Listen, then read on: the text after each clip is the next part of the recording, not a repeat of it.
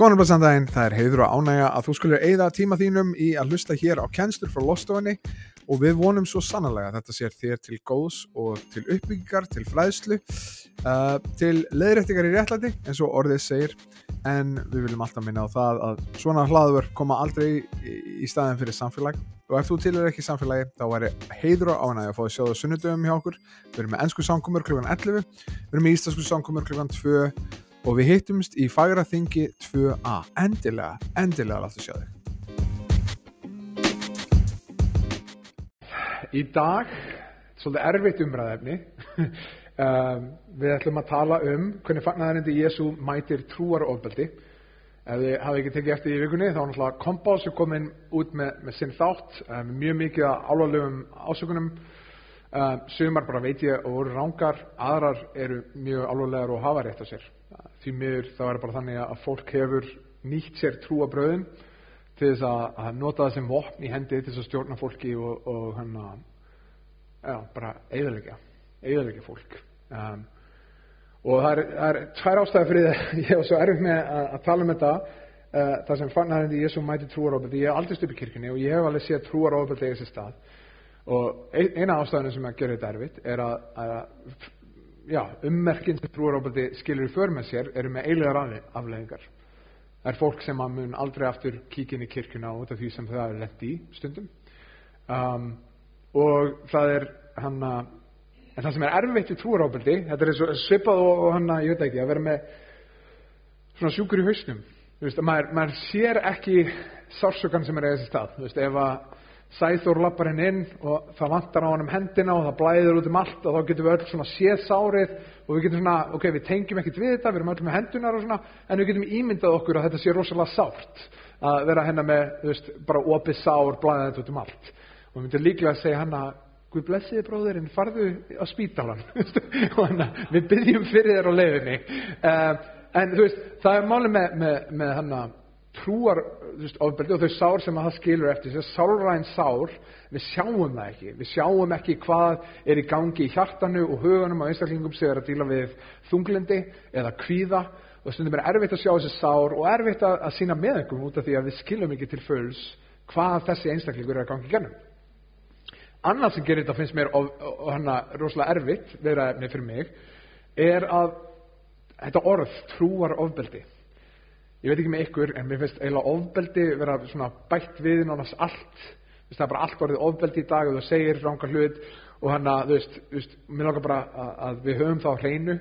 Það er ekki trúar ofbeldi ef einhver einstaklingur kemur til mín og, og segir Gunnar þú þarfst að yðrast eða fylgja Jésu eða þú veist annað eins. Móðgun er ekki trúar ofbeldi. Finnst ofbeldi, orðið ofbeldi vera bara ofnotað og gera stundum bara lítið úr einstaklingum sem hafa gengið í gennum svakalegt ofbeldi og þátt fyrir að ég segi ég tengi alveg við það og ég hef gengið í gennum trúar ofbeldi sjálfur en það bara verið í kringum fullt af fólki í 33 ári kirkjunni eða eitthvað en hann að En ég híka samt við það út af því að ég þekki aðra sem hefur lengt í líkamlegu ofbeldi og kynfyrirslegu ofbeldi og mér finnst skrítið að ég skulle nota sama orðið til þess að lýsa minni upplifun heldur, eins og þeirra upplifun, skilur. skilur. Þannig að að bara svo við skilgreinum kannski hvað trúarofbeldi er áður við förum inn í það að trúarofbeldi er þegar að trúin er notið sem vopn og valdtrúarinnar notið sem vopn til þess að stjórna einstaklingum uh, með valdi Guðs og með nafni Guðs og í rauninni særa einstaklinga og nota einstaklinga til þess að fylgja sér og hann að, já, í rauninni þjóna sér og já, þú veist, því miður að þá er bara mikið um trúaróbeldi í sögunni að fólk sér vald trúarinnar. Og ef við ætlum að segja ok, mitt helsta enginni er að fylgja Jésu að þá eru aðrir sem koma inn sem eru úlvar og þeir vilja nota það okkar trúfestingakart Jésu til þess að hafa vald og stjórn yfir mismundi fólki. Og kompás koma nú út og mér finnst það að svolítið fyndi hvernig kompás byrjaði. Og það er að þú veist Þeir byrjuði að tala um bara yktustu dæmin í veist, það var bara Manson fjölskyldan. Mann ekkur eftir hvað Manson fjölskyldan gerði. Það var bara myrða fólk í Hollywood og eitthvað. Jonestown Massacre. 900 manns drápu sig með kúleitið, þið munið eftir því. Veist, hvaðan kemur ekki drakka kúleitið. Hann að, það er bara svakalegi hluti sem gerist og svo kom bara Philadelphia smára kirkja og ég var bara svona wow, þetta var svolítið harkaleg beigja hann var bara eitthvað Sippa, þú veist, hann að, sem er sýsti mín, sem er hann í smarkirkju. Þannig að, hann að, þetta var rosalega fyndið að horfa á þetta og eða svolítið surrealist, bara svona rólegur félagi. En, þú veist, þetta er svona að reyna að búa til þátt í 30 mínútur, að tala um trúarófbeldi er bara kannski ekki góð hugmynd. Um, en það voru svo sannlega atrið í þættunum sem að undirstrykaði að trúarófbeldi hefur átt sér stað í Íslandi. Og það hefur átt sér stað í mannkinn sögni ég hef orðið vitnað þessu, ég sé hvað það gerir fólk í kringum mig, stundum eru sárin það djúb að þetta bara mótar fólk að restina lífið þeirra, út af því að það var notað það mikilvægast í lífið þeirra sem vopn á mótið þeim. Og þessi þáttur hann byrjaði svona samfélags, samfélagslegt samtal í þjóðfélaginu. Og, og mér langaði bara aðeins að pæla í þessu, hvað segir biblunum trúaróbeldi, hvað er trúaróbeldi, hver eru enginni trúaróbeldis og er eitthvað sem við getum gert til þess að passa að við lendum ekki í að einhver stundi trúaróbeldi eða noti nafn Guðs til þess að, að, að beita ofbeldi kakvart öðrum. Og þetta fekk mig til að hugsa um, einn besti vinnu minn var í hana, podcasti, eh, svona viðtali og hann, hann kom með þetta, þá var að spurja hann sérst út í hvernig er að vera ungur fórstuðumæður í kirkju og hann sagði þetta, ég reynda því að þetta er á íslensku, sjáum til hvernig það gekk. Það skelvilegasta fyrir mig sem ungur fórstuðumæður var að átta mig á því að, það, að ég er að leika mér með alvöru skot. Þetta er ekki leikur. Það sem ég segi skiptir máli, ekki sagði, segi skiptir máli, það sem ég geri myndi hafa áhrif á líf fólks og það getur haldið þér vakandi á nóttinni og sömu leiðist þá getur það lama þig með ákvörunarleysi og það getur líka blásið upp egoið þitt. Og þetta þrent hefur komið fyrir mig í einni eða annari mynd. Og þú ert ekki alveg viss hvernig á að sigla í gennum þennan orðingu sjó. Sannin að segja, sem ungur fórstum er, þá getur annarkvort ákveðið bara að vera vakand á nóttinni yfir því að fólk sé bara bókstala að horfa á þig og segja hvað segir Guð um þessa hluti? Eða þú getur bara að fara á massíft egotripp eða þú getur bara að fara í algjört bara, bara ákvörðunarleysi. Og það eru sömur sem að taka bara valdi sem trú gefur og segja bara ég ætla að fara bara í egotripp ég er bara 100% viss um hvað ég stend, ég hef alltaf rétt fyrir mér og þeir notfara sér þetta. Og hann að og þegar þú átt að tala sem fórstöðumæði fyrir höndguðus þá er það bara ótrúlega stór ábyrð og það sem ég veist áhugavert við að horfa á kompás er að það var nánast sko mála mynd þannig að helsta vandamálið var að það var fólk á Íslandi sem tók bibljuna allt of alvarlega. Veist, að það var helsta vandamálið eða allt of bókstaflega. Þetta bókstafstrúa fólk er alveg klikkað veist, og þegar að bókstafstrúin er að eiga sér stað þegar fólk er að taka bibljuna alvarlega sjáu hvað gerist. Hræðilegi hlutir. Og maður er svona allan tíman þegar ég var að horfa þáttinn þá var svona menn vitaðu ekki um þetta vess í biblunni? Eins og í dæmi í þettunum voru að segja fólkin að gefa í söfnuðunum fórstuðmenni voru að sanka sér peningum og kaupa sér, kaupa sér eignir og annað eins sínar eignir. Letu fólki í söfnuðunum skrifa undir lánin þannig að þegar söfnuðurinn lokaði þá sáttu þau upp með skuldinar og, og þannig var ég að hugsa frá ok, fyrst er tímatíðus þrjú sem talar til hvað fórstuðmenni eiga að vera með þessi kirkju hvers, hvers konar karakter eiga að hafa? Þeir eiga ekki að vera fjökjarnir Við höfum að leytast eftir því, bara ef við höfum tekið bibluna álvarlega. Og þetta var svo áhugavert og það er með leiðis sem ég voru að horfa þátt, það sem við vorum með sama markmið. Við vildum að trúaróðbeldi myndi hætta og þetta var eins og komið með svona særðan hest til hennar, hvað heita, vets á íslensku, hennar dýralækna.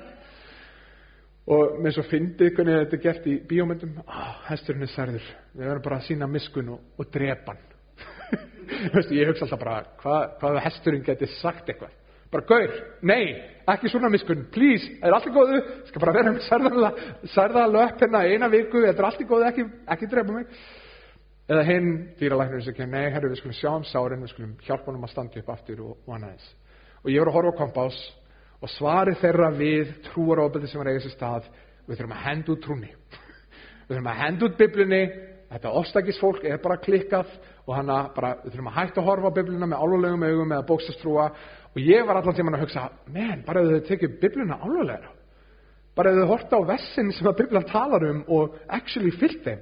Og hann að og mér langar að dvelja á kannski, byrja á því að lesa þessar tvær reyningar í dag.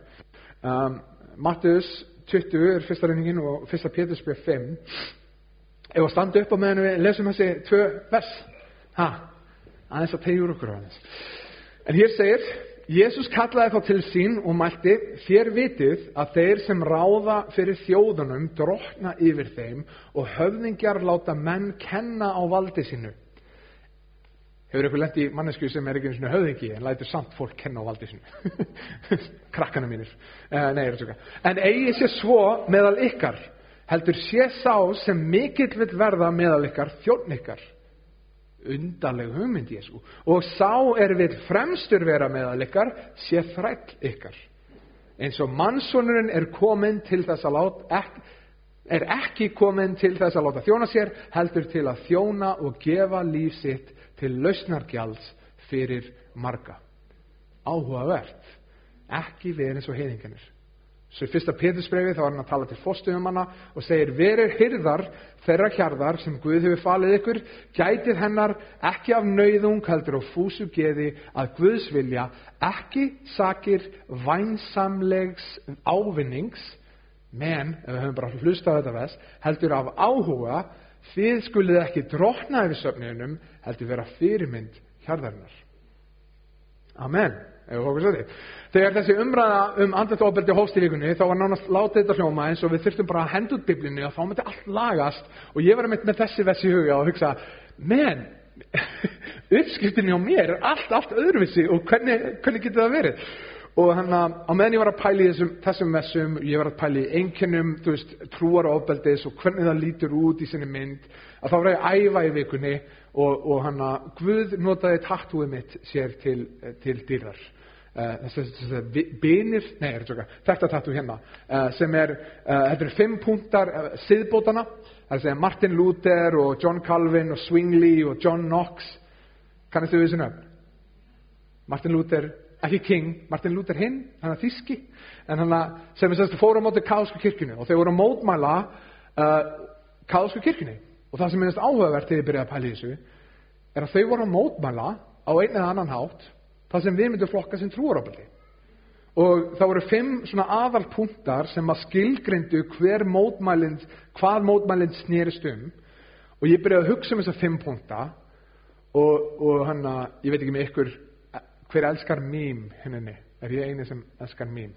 Uh, já, þannig að ég elskar mým og ég hugsa stundum í mýmum, þannig að ég hugsaði um þetta hérna, uh, heimsbyggingurinn Dave Chappelle sem kemur hann inn og hann segir hérna modern problems require modern solutions. Og ég var að hugsa veist, ok, þannig að þessar ofinbernir voru að þessi stað núna í vikunni. Trúar ofbeldi verið að ræði kompás. Það eru kannski margir að hugsa um þetta bara svona ok, þetta er eitthvað nýtt vandamál sem við þurfum að tækla. Að meðan ég var að hugsa, nei, nei, nei, þetta er vandamál sem er búin að vara í þúsundir ára. Fólk hefur stundið að trúar ofbeldi á einn eða annan hátt í þúsundir ára og þegar aðri voru að segja helsta vandamál okkar ef við tökum bók, uh, biblina of bókstaflega, of álvarlega þá er ég að hugsa, nei biblian talar um þessa hluti, biblian talar um trúar ofbeldi og hvað við eigum að gera. Og því miður er að, er að eh, bara algengt, bæði einan kirkjunar sem eru íhaldsamar kristnar kirkjur sem að minnast á bibliuvess og annað eins að oft að þá tökum við bibliuvessin úr samengi eins og finnast að dæmi sem ég sá um þetta var að það var eitthvað svona dagleg biblivers sem þú óttir að fletta og eitt bibliversi sagði ef þú fellur á kníi og lofa mig þá myndu öðlast allan heiminn. Þetta hljómar ekki eitt vel. Þá getur þú að skoða samhengið og þetta er fresting satans gagvart Jésu og samhengið skiptir máli. Og því miður er það ofta sem að verum kannski íhjálpsamar biblilegar kristnar kirkjur að hendut bibliversum en skoðum ekkert samhengið og reynum að beigja og beigla biblíuvers til þess að passa við það sem okkur finnst. Okay? Þannig að það getur verið í svokallegum íhaldsumum kirkjum sem vilja predika biblíuna en gera það bara ekki. Sumulegis í frálsöndu kirkjum sem er bara basically, ja, okkur er þetta saman hvað biblíuna er að segja. og vilja bara gera það sem okkur finnst.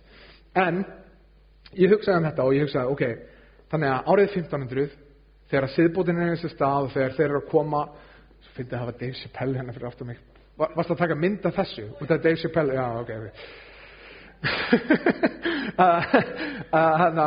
að þegar Kálska kirkjan var fyrir 500 árum að gera það sem hún var að gera að kathólska eða hvað sem að Kálska kirkjan gerir hún var að fara hann um og þá var hann með alls konar steiktar hugmyndir og að beita fólki í kúun og trúaróbildi til dæmis þegar eitt af því sem let Martin Luther springa var að það var einstaklingur sem kom til bæjar hans í, í, í, Þískalandi og sagði ef þú gefur pening að þá getur þú komið ættingum þínum úr hreinsunareldinum og þú getur komið sjálfur úr hreinsunareldinum og hérna og það var verið að nota trúfólks til að taka peningana þeirra til að fara í stríð eða byggja og sló flotta byggingar. Þannig að ef þú fyrir til Ítalíu og ert að hugsa um allar þessar flotti byggingar ha, Michelangelo og eitthvað svona Sistine Chapel og eða hvað sem þetta heitir á íslensku veist, þá er þetta allt byggt með trúaróðbeldi basically. Þetta er allt byggt með því að, að kúa fólk til þess að gefa pening út af hræðslu og, og trúaróðbeldi lítur kannski ekki eins út lengur. Um, það gæti beinst að líkamlegri líðaninni, að veskinuðinu, að tímanuðinum, að huganuðinum, jável hvernig þið líður, jável eins og við heyrum bara hræðilega sögur hvernig fólk notar aðra kynferðislega uh, og allt gert í nafni Guðs. Og meðan kompás var að segja, hei svarið er að við þurfum bara að henda út þessari eldgömlu biblju og þá verður allt gott og þá var ég að hugsa, nei, bara, ef við hugsim bara um hvað bibljan hefur að segja, til dæmis ef við förum bara alveg yfir í aðra mósabók, það er bara 3000 ár síðan. Þetta er búið að vera hana allar tíman. Í búðarum tíu, þá er Jésús eða Guð að segja, þú skalt ekki leggja nafn drottins Guðs tíns við hér koma.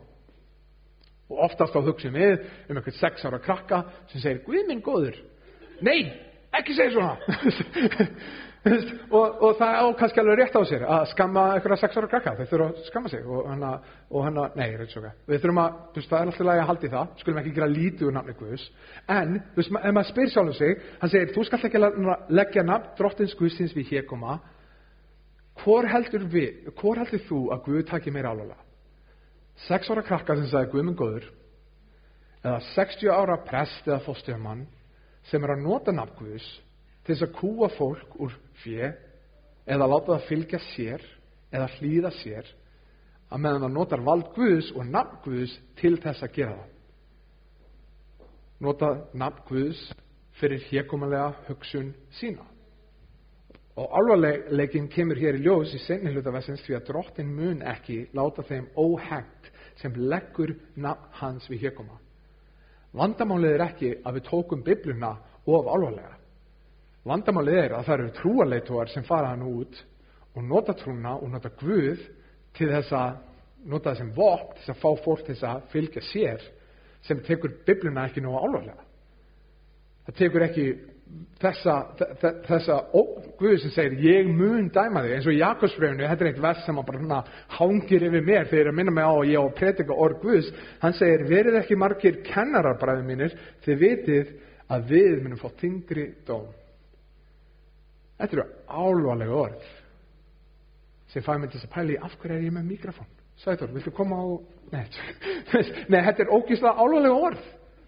Og vandamálið er þar fylgta kennurum hann úti sem hugsa ekkert um þetta.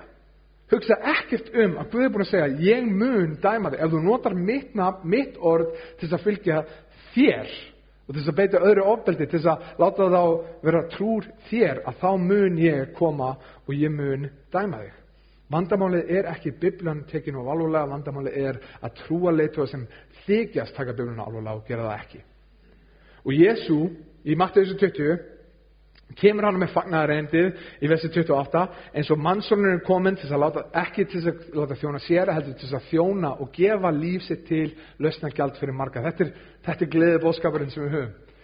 Við erum syndarar við þurfum að frelsara að halda og sagan hefði bara auðvöldlega að geta enda þar er líka það að vera æðislega saga.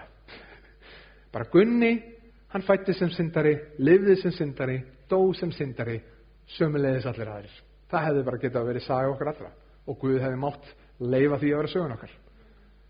Við þurftum á frelsara að halda sem þýtti ekki að hann þurfti að gefa, gefa okkur frelsara.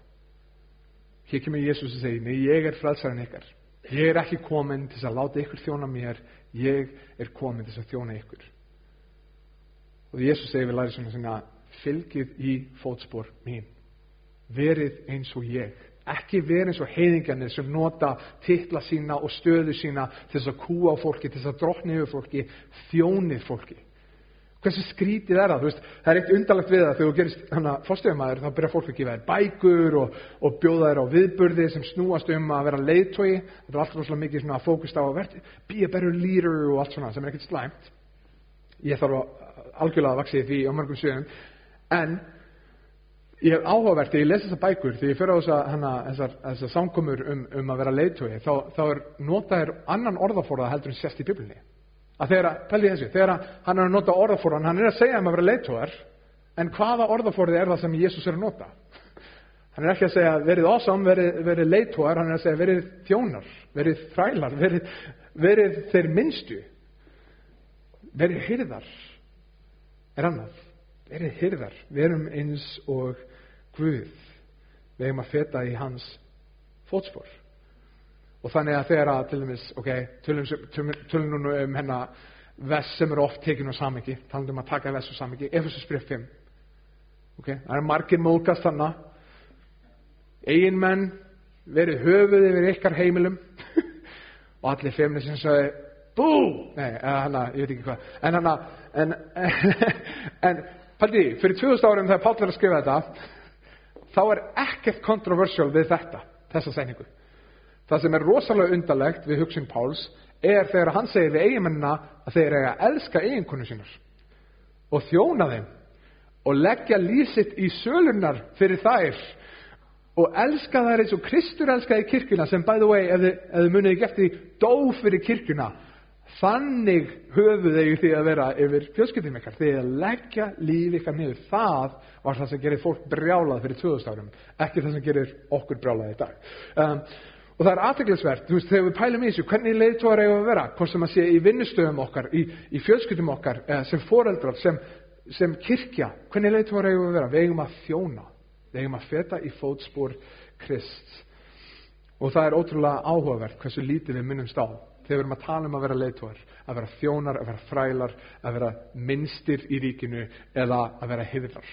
Um, þannig að, að ég var að pæla í þessu, ok, hvað er það um, hana, sem, að, sem að gæti verið hverju ummerki trúarábeldis og hvernig getum við komið á móti trúarábeldi og hér eru svona fyrstu þrjú ummerkin sem komu upp í huga minn þegar ég byrja, þegar ég byrja að leita að staðsju og auðvitað reyða mig á aðra sem á að vera miklu gáðaðir en ég þegar kemur að þessum málum um, þetta eru fyrstu þrjú ummerkin sem við sjáum í trúarábeldi þegar trúarábeldi er þessi stað Þú ert þannig með leitóa sem krefjast ótvíraðarar hlýðni.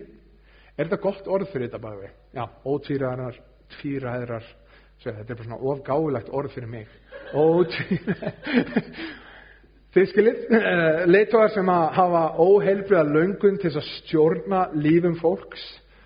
En nú oftur þá hugsa ég líka um börnum mín þannig. En hann að, nei, tjók.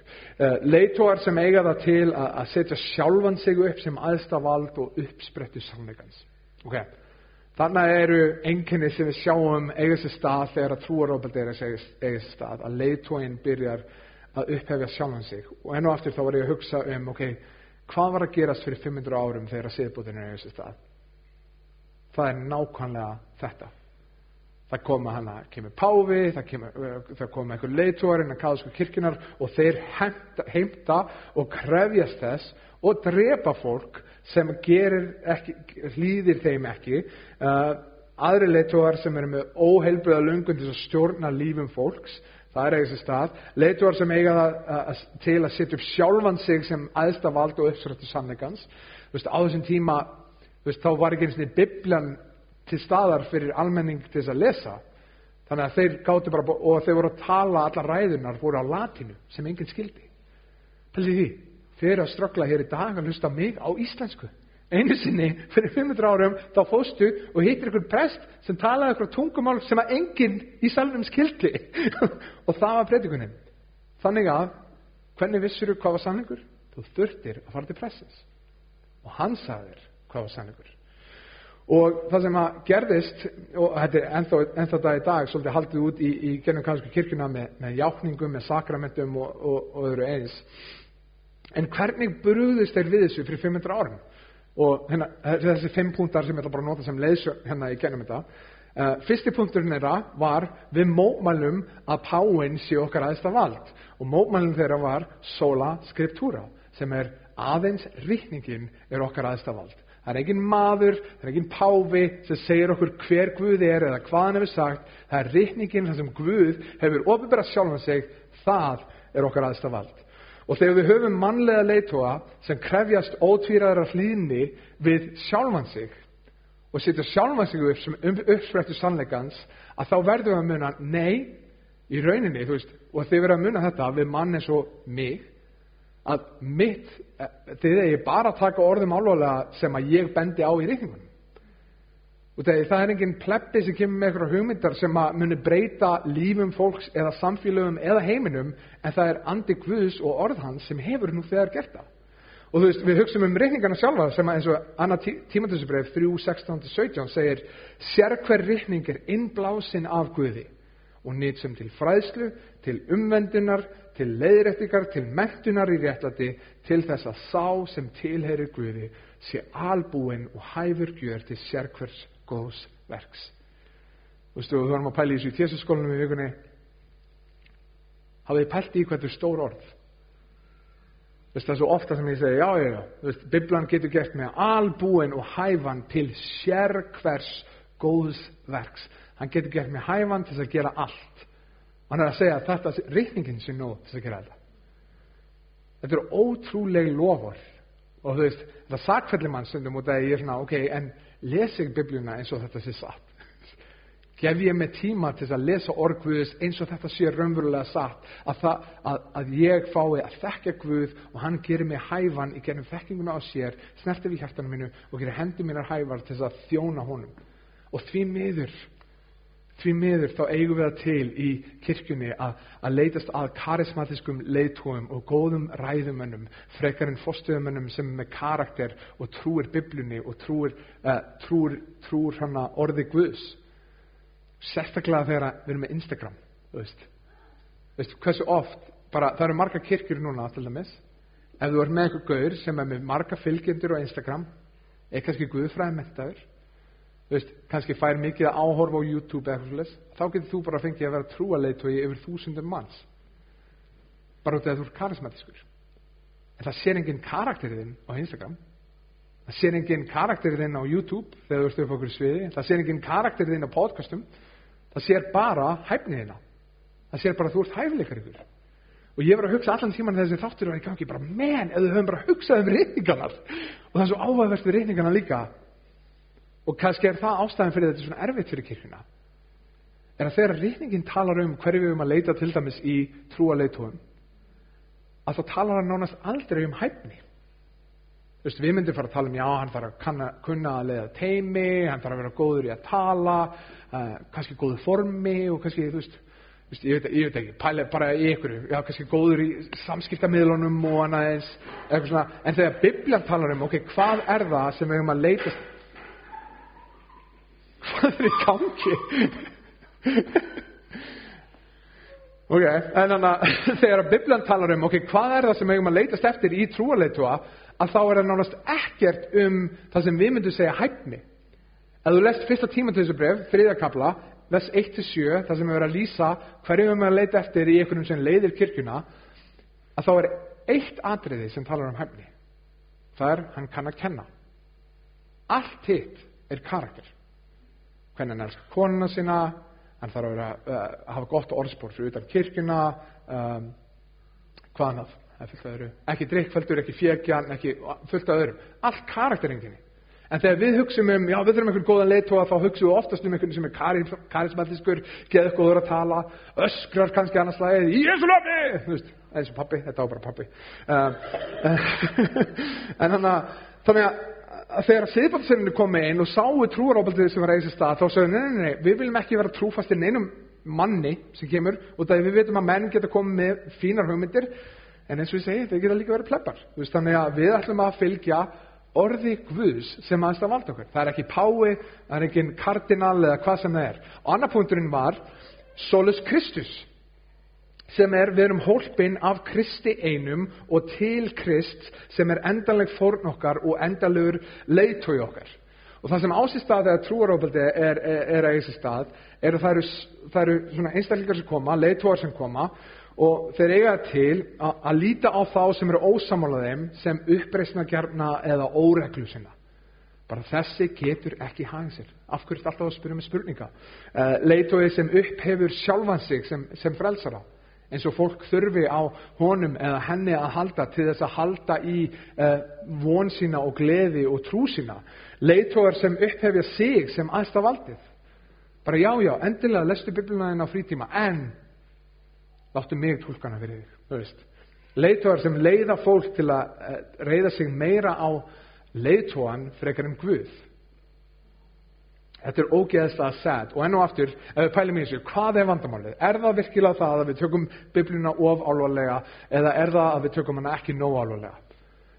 Og við pælum í þessu, ok, hvert er verkefni mitt sem fórstöðumæður? Hvert er verkefni okkar allra? Þú ert með gjafir, ef þú ert kristin einstaklegur, sem Guð, heila á landi, hefur gefið þér til þess að byggja upp fólkið í kringu þig. Vistu, það er það sem samfélagið að snúast um. Við eigum að byggja hvort annað upp til að þekka Jésu Krist betur. Og þannig að þegar að þú ert ekki í samfélagi með öðrum kristum einstaklingum, að þá er þeir að missa á því sem að þú hefur að færa fyrir þau, sömulegis er þú að missa því sem þau hafa þér að færa.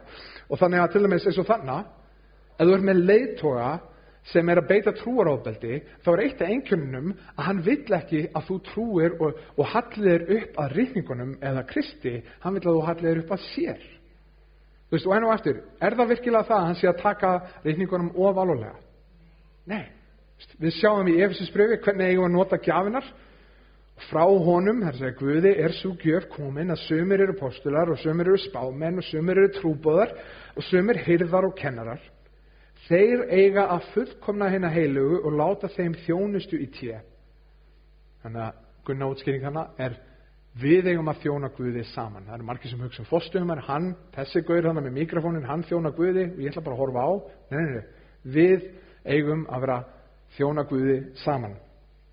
Um, þjónustu í tíu, líka maður kristil uppbyggingar, þannig að við að byggja hvort annað upp Þanga til við verðum allir einhuga í trúni og þekkingunni af sinni Guðs, verðum fullfroska og náum vakstar takmarki krist fyllingar. En áttur, hvernig hefur við reyðað okkur á? Að reyða okkur Guð.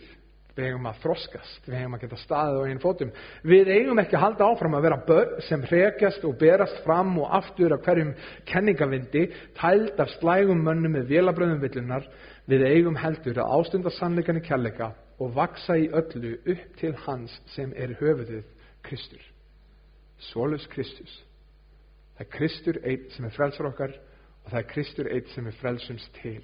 Við erum, við erum kölluð til að vaksa til höfuðsins sem er hann og þegar trúaleitur koma og vilja láta þið reyða meira á sig heldur en Krist að þá sérðu að þannig er enginni að trúaróbildi eða þessi stað.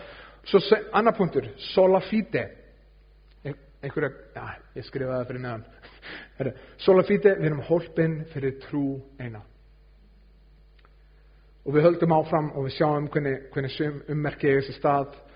Koma aðri leitóður sem að skapa eftirvæntingar og umhverfið þar sem að fólki er refsað fyrir að, að ólínast eða vera ósamála. Það sem máginni sinni bera fram spurningar.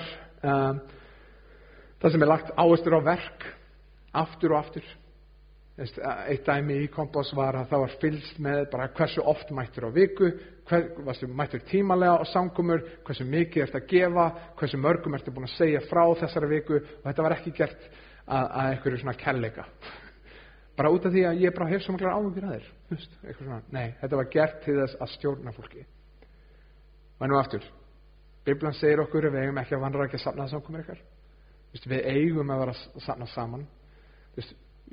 Sömulegði segir reyningun okkar við eigum að vera gjafmild og við eigum að segja öðrum frá og annað þess, það er ekkert aðeins en þegar þú byrjar að nota þetta til þess að kúa fólk og líka til þess að, til þess að refsa fólki með þessu og sérstaklega ekki með það í huga að þetta er þeim til góðus heldur viltu bara segja þeim hvað þú gera og þeir eiga að hlýða í og þá er þetta orðið rosalega slæmt. Það er engin umhyggja fyrir ykkur sálu þannig það er ekki umhyggja fyrir ykkur heilsu. Það eru eftirvæntingar gerðar til þess að þú þjónir þeirra tilgangi. Og stundum er það þannig að fólk munir nota nafnkvöðs og valda andlegri misnótkun með því að einblýna á það sem að þú átt að gera til þess að bjarga sjálfur veist, jú, jú, trúarjafningar margra kirkna segir við erum frelsuð fyrir Kristeinan en svo eru aðri sem haga sér eins og það sé ekki satt. Þú verður að gera nóg, þú verður að gera betur þú verður að gera meira, þú verður að þjóna meira þú verður að gefa meira, þú verður að segja öðrum frá meira, þú verður að mæta fleiri samkomur. Og hvað gerist? máttu ekki spyrja spurninga? En á eftir ef að trúin höndlar ekki spurningar þá er þetta ekki trú þess verið að halda í. Kristin trú hefur verið að fá spurningar í 2000 ár og mókmæli í 2000 ár. Það er nóg til að svörum. Af hverju má ekki spyrja spurninga? En eftir af hverju trúið hverju trúið og hvað við segjum við erum frelsuð fyrir trú en trú á hvað trúin er aðeins, veist, og það eru margir sem segja mér langar svo að vaksa í trú, mér langar svo að vaksa í trú. Eina leiðin fyrir okkur til að vaksa í trú er að vaksa í þekkingu á þeim sem við trúum á. Þú veist, segjum sem svo að ég var með þennan stól hérna. Ok? Og ég get setið á honum. Og ég er með nokkur sterkar trú á honum. Ég sé svona hönnun áður og ég trúi því að þessi stóll geti haldið mér. Svona flotti viður, ég satt á hann á máðan þannig að það er búið að byggja upplifinu mín er búin að byggja upp trú mína, þekking mín á hvernig svona stólar haga sér oftast, þeir eru búin að byggja upp trú mína og annað eins, er fullt af hlutum sem byggja upp trú mína á þessum stól og það er það sem trúin er okay? fullvissað um það sem menninni vona. Ekki ágískunn um það sem menninni vona fullvissað um það sem menninni vona. Þú veist hver Guð er. Til þess að byggja upp trú okkar þá fyrir við ekki að rempast um að byggja upp trú trúin byggist ekki upp þannig. Trúin byggist þegar ég veit að sá sem ég trúi á er áræðilegur þannig byggjum við upp trú. Og oft þarf þar spurningar. Ef ég má ekki spurja þá kynnist ég ekki þá veit ég ekki. Af hverju má ekki spurja spurninga? Út af því að þá ertu byrjað að kynnast Kristi. Og þá ertu byrjað að reyða Krist og ekki trúaleitt og þá getur þú að fara að vaks í trú og það er algjört nóg-nóg og enn og aftur ef við taka það stól og ég væri búin að saga undan um þessa löpp þar að trú mín var sterk. Enn og aftur, trú okkar byggist á því sem trú okkar beinist af og Efesus bref 2 minnir okkur á hvað trú okkar beinist af því að af náð eru þið horfnir ornið fyrir trú. Þetta er ekkert ykkur að þakka. Að mennu því ekkert ykkur að þakka en það eru við hræðilega í þessu. Það er Guðs gjöf, ekki byggt af verkum enginn getur miklast af því. Ekkert ego hér. Þú, þú færði ekki að labba út yeah, ég er svo awesome fyrir að vera trúaður. Nei, þú ert bara bara einu minun á þér og pleppanum við hliðina þér er að þú trúur á Jésu við erum smíð Guð skapaðir í Kristi Jésu til góðra verka sem hann hefur áður fyrirbúið til þess að við skildum leggja stund á því þessi vers eru rosalega oft misnótuð af tveimur mismundu hópum ákveðt öfugt við hvort annað. Þannig að einn hópurinn tekur bara vers 8 og 9 segir, heyrðu þetta? Af náð erum við holminunum fyrir trú. Þetta er ekkert ykkur að þakka, ekki byggt að gjörðum ykkar. Við förum búin út við syngum, njótum lífsins og trúin bara grýpur okkur og náðin grýpur okkur og annaðins svo kemur hinn hópurinn fókus er ekkert á vers 8 og 9 bara á 10 heyriði þetta, plöpunir ykkar? Þið eru smíð Guðs og ekkert sérstök Þeir eru bara svona pleppasmíð. Skapar Kristi Jésu til góður að verka. Þannig að við skulum fara henn út, skulum gefa, við skulum hana, þjóna, þið að vera meira í bannastárinu og hana, allt þetta. Við skulum fara henn út og, og hana, gefið pinningan á leiðin út og, farið svo út og, hana, og dræði eitthvað fólk henni næstu viku. og sjáu hvernig tveir mismyndu hópar geta notað sömu vessin. En þurr? Þetta er bara úr samingi og þú getur lofðið að þýða hvað sem er.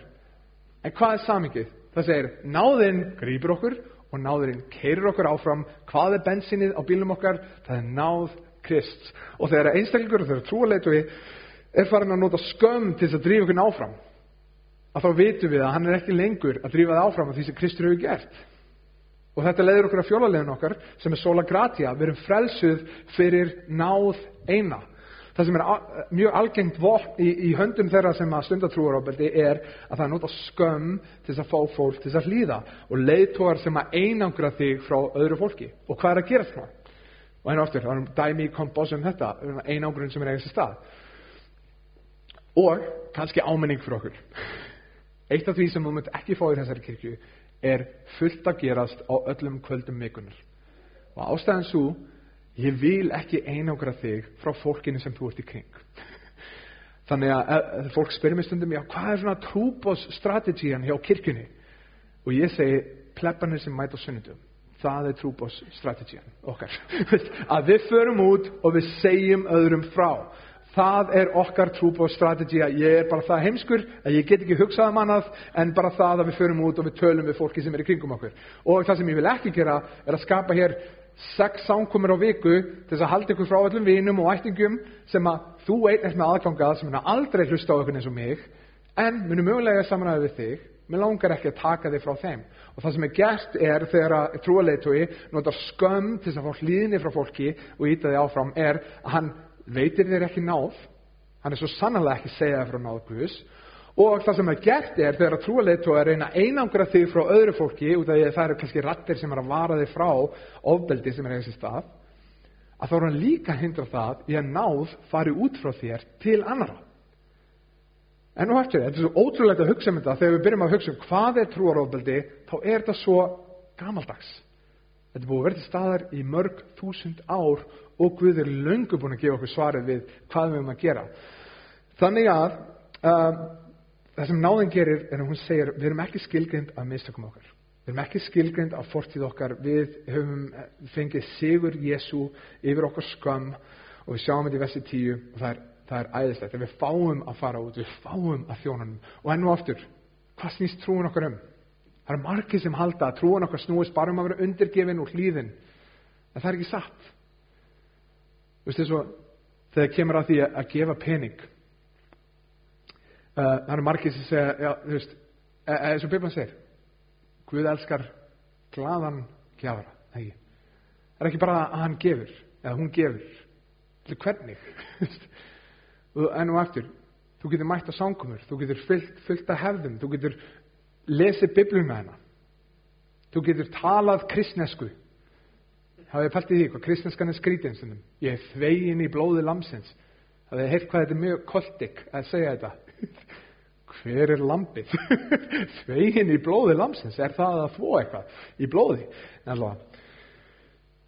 en þetta leiður okkur að senasta aðfyrin okkar sem er Soli Deo Gloria. Hljómar þetta ekki eitthvað svo lag? Gloria Guði einum sildýrun og það sem segbótamennir voru að komast að þetta er ekki pái sem á skilið allar lofgjörð og dýr það er ekki kirkja sem á skilið dýrina það er Guði sem á skilið dýrina. Og senustu ummerkin af trúarábeldi eru að leiðtóar sem notfæri sér fólk sem þrá samband við þá til þess að stjórna því. Eins og markmiðið sé að komast inn í innsta hringin hjá trúaleitónum en það er ekki svo. Markmiðið okkar er að njóta Guðs að þekkja hann og gefa honum dýrana ekki einhvern trúaleitóa sömulegis þá eru líka trúaleitóa sem að helja yfir sög sína með því að benda á velgengni í öðru. Þess maður sér þetta rosalega oft. Það er veist, einstaklingi sem eru með alls konar ásakanir um að hafa gert ótrúlega margt vittlust en sjá hvað margir er að gefa með pening. Sjá hvað er margir að frelsa sjá hvað er margir að skýra sjá, sjá hvað er, hvað er undirliggjandi við þess að hugsa sjáðu hvað ég er búin að gera. Sjáðu hvað ég karismatíski spíkarinn er búin að gera? Fyrir Guð hvað myndi Guð gera á Íslandi ef að Gunni væri ekki í lofstofunni það er líka heimskuleg hugmynd en það er pælingin á bakvið þetta. Það er raunverulega pælingin á bakvið þetta. Og pælingin er ekki solidi og gloria heldur en það soli gunnar gloria eða eitthvað. Hvað sem að latínan væri fyrir gunni á dyrina eða haugur eða karen eða hvað sem er að, að þegar við segjum, nei, nei, nei, en veist, ég veit alveg að ég er að gera fullt af hlutum ránt en sjáðu hvað ég er að gera rétt og ætlaðu virkilega að segja mér að hætta því? Þú veist, þegar allt þetta góða er, er að gerast. Já, já. Út af því að þú ert líka að, já, þú ert í rauninni í því að benda á allt það góða sem er að gerast að gleyma því að það er Jésús sem byggir upp kirkuna ekki þú. Við erum hér ekki til að upphefja nafn predikara eða presta eða leiðtóa við erum hér til að upphefja nafn Jésú og þegar að kirkjur byrja að gleyma því að þá fyrir trúaróbeldi og hræðilega hlutir eða þessi stað og þú getur sagt já þetta er bara hjá þeim kirkjum sem taka biblinu of alvarlega og minn punktur er nei, við tökum biblinu ekki nóg alvarlega Við erum ekki hér til að byggja upp eitthvað vörumerki eða okkar einn ríki. Við erum ekki með þá von um að, að, við, erum, við erum hér og að þjóna með þá von um að nafn Jésu myndi vaksa í fræð hans og náð hans yfir okkur og yfir öðrum Íslendingum. Við erum ekki hér til að gera kirkju eða einhverja mannesku dýrlega. Við viljum segja það sama með segbótumannunum, soli, deo, gloria, Guð einn á dýrinaskilið. Og þess vegna er, ef þið hafið takið eftir, hey by the way, er ykkur búin að fá bollan okkar fyrir að mæta hennar, við erum með gjöf fyrir ykkur sem ég er hræðilegur að gefa.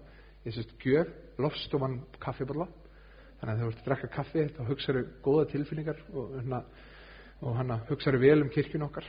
Um, en hann að ég vil endilega gefa ykkur kaffibotla árinni farið út ef þið er ekki búin að fá losa á um kaffibotla en eitt af því sem þið takkið eftir á kaffibotlanum það stendur Efesus bref 3.21 það er vess á logoðun okkar og mér langar bara að lesa það. Það er einmitt kemur að þessu solidi og glória Efesus 3.20-21 en honum sem í okkur verkar með krafti sínum og megnar að gjöra langt fram yfir allt það sem við byggjum eða skinnjum honum sé dýrðin í kirkjunni og í Kristi Jésu um öll æfiskeið, öld eftir öld, amen. Það er engin einstaklingur, engin predikari, engin trúarleituði sem á skilið dýrð. Það eina sem við erum að gera er skildi að benda á hann sem á skilið alla lofgjör og alla dýrð. Og um leið og við byrjum að gleyma þessu, þá fara hræðilega hlutir að eiga stað. Og bræður og sýstur, andlet ofbeldi er eitthvað sem á að veita okkur, gera okkur reyð. Þú veist, Biblan talar ekki um það að reyði sér synd. Það segir reyðis og syngið ekki, leiði ekki sólinni að leggjast yfir reyði ykkar, þannig að við hefum ekki að leiðinni að skilgjum okkur. En þegar við sjáum óréttlega í þessi stað, þegar við sjáum einhvern nota sér nafn Guðs fyrir eigin hérkoma, þá eigum við að reyðast og við eigum að vera það fólk sem bregst við og segir nei. Ég ætla ekki að leifa þér að nota drottin minn til þess að nýðast á öðrum. Og það er engin manneskja sem verðskuldar ótvíraða hlýðni eða tryggð. Það er engin manneskja sem er óspilt uppspretta sannleikans. Þú veist, ég veit þetta er sjokkarandi fyrir ykkur. En einn daginn standi fyrir framann Guð og ég áttur að fatta að ég var ekki með 100% Guðfræði. að ég og eitthvað, ég skal loða ykkur því að þegar ég stend fyrir framann Guð þá eftir að nokkur augnablik þar sem ég segi, ó, oh, ok, miskildi þetta ves. Ok. Þannig að England er lítið svona út. Uh, það, það verður eitthvað, það er enginn sem er óspilt uppspretta sannleikast, það er enginn manneskja sem þú þart á að halda fyrir þeitt andlega líf, það er enginn manneskja sem fær að stjórna þér með skömm eða sanka að sér þeirri dýr sem Guð einn á skilið. Okkar aðstaf vald er Guð, endalagt markmið okkar er engungu dýr Guðs, við gerum það sem við, við gerum með því í huga, við trúum á Krist og, og við tökum við náð hans og þannig fær Guð dýrna. Og þetta, bræður og sestur, eru áskorun mín til okkar, fyrst til leittóna í þessari kirkju, að við munum, þetta er ábyrð okkar, kakvar Kristi einum, við viljum halda við Guð, hans orð, byggja ríki hans, og gefa honum dyrina, en þetta er líka áskorun fyrir okkur. Ef þú ert meðlimur eða ætlaður að vera meðlimur í þessari kirkju, að muna, þetta er ástæðan fyrir við erum með meðlimi. Við erum með fólk sem elskar Biblina, elskar Guð og lætur okkur sem kirkju muna, við erum hér Guðið til dýrar. Við erum hér til að benda á Jésu og þegar einhver leiðtói fyrir að benda sjálf á sig, fyrir að fara út af veginum og ekki predika orguðus, að þá er það ábyrð á meðlum í kirkjunar til að segja því miður, þá ert ekki að leiða okkur til Krist, þannig að þú fara ekki að leiða þessa kirkju. Og þannig að við ætlum að halda okkur við orguðus og, og fyrir ykkur sem eru kannski ekki búin að gerast meðlumir og eru búin að pæli í því hvað er að vera meðlumir og alltaf, hvetja ykkur til þess að ef þú elskar Biblina, ef þú elskar Jésu og vilt vera hluti af því að halda okkur á strykinu, halda augum okkar á Jésu hjálpa okkur að gera mikið úr Jésu og dýrð hans og náð hans og miskun að þá endilega hann að pæli því, það er hann að meðlema tími eins og segja, 15. 24. bass hér, hér klúan 7 um,